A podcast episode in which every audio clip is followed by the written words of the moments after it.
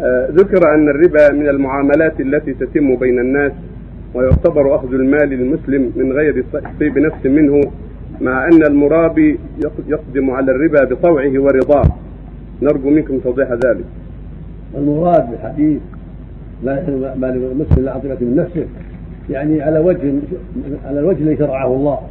أن تطلب به نفسه يعني هبة صدقة إعانة لأخيه. ليس المعنى أن تطلب نفسه على وجه الحرام. لا هذا لا يجوز. فالربا وإن طلبت نفسه لكنه محرم. وهكذا مال البغي.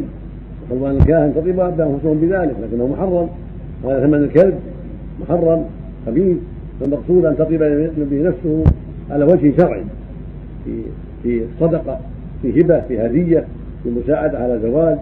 قد طلبت به نفسه فهذا حل لك أن تأخذه من أخيك.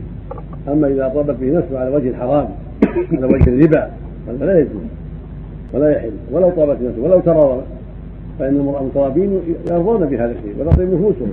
وهكذا من أهل القمار أصحاب القمار تطيب نفوسهم. وهذا الحرام طيب نفوسهم ليس عذرا لهم. لا بد أن يكون طيب النفوس مضافا إلى الشروط الأخرى الشروط التي شرعها الله في حل المال.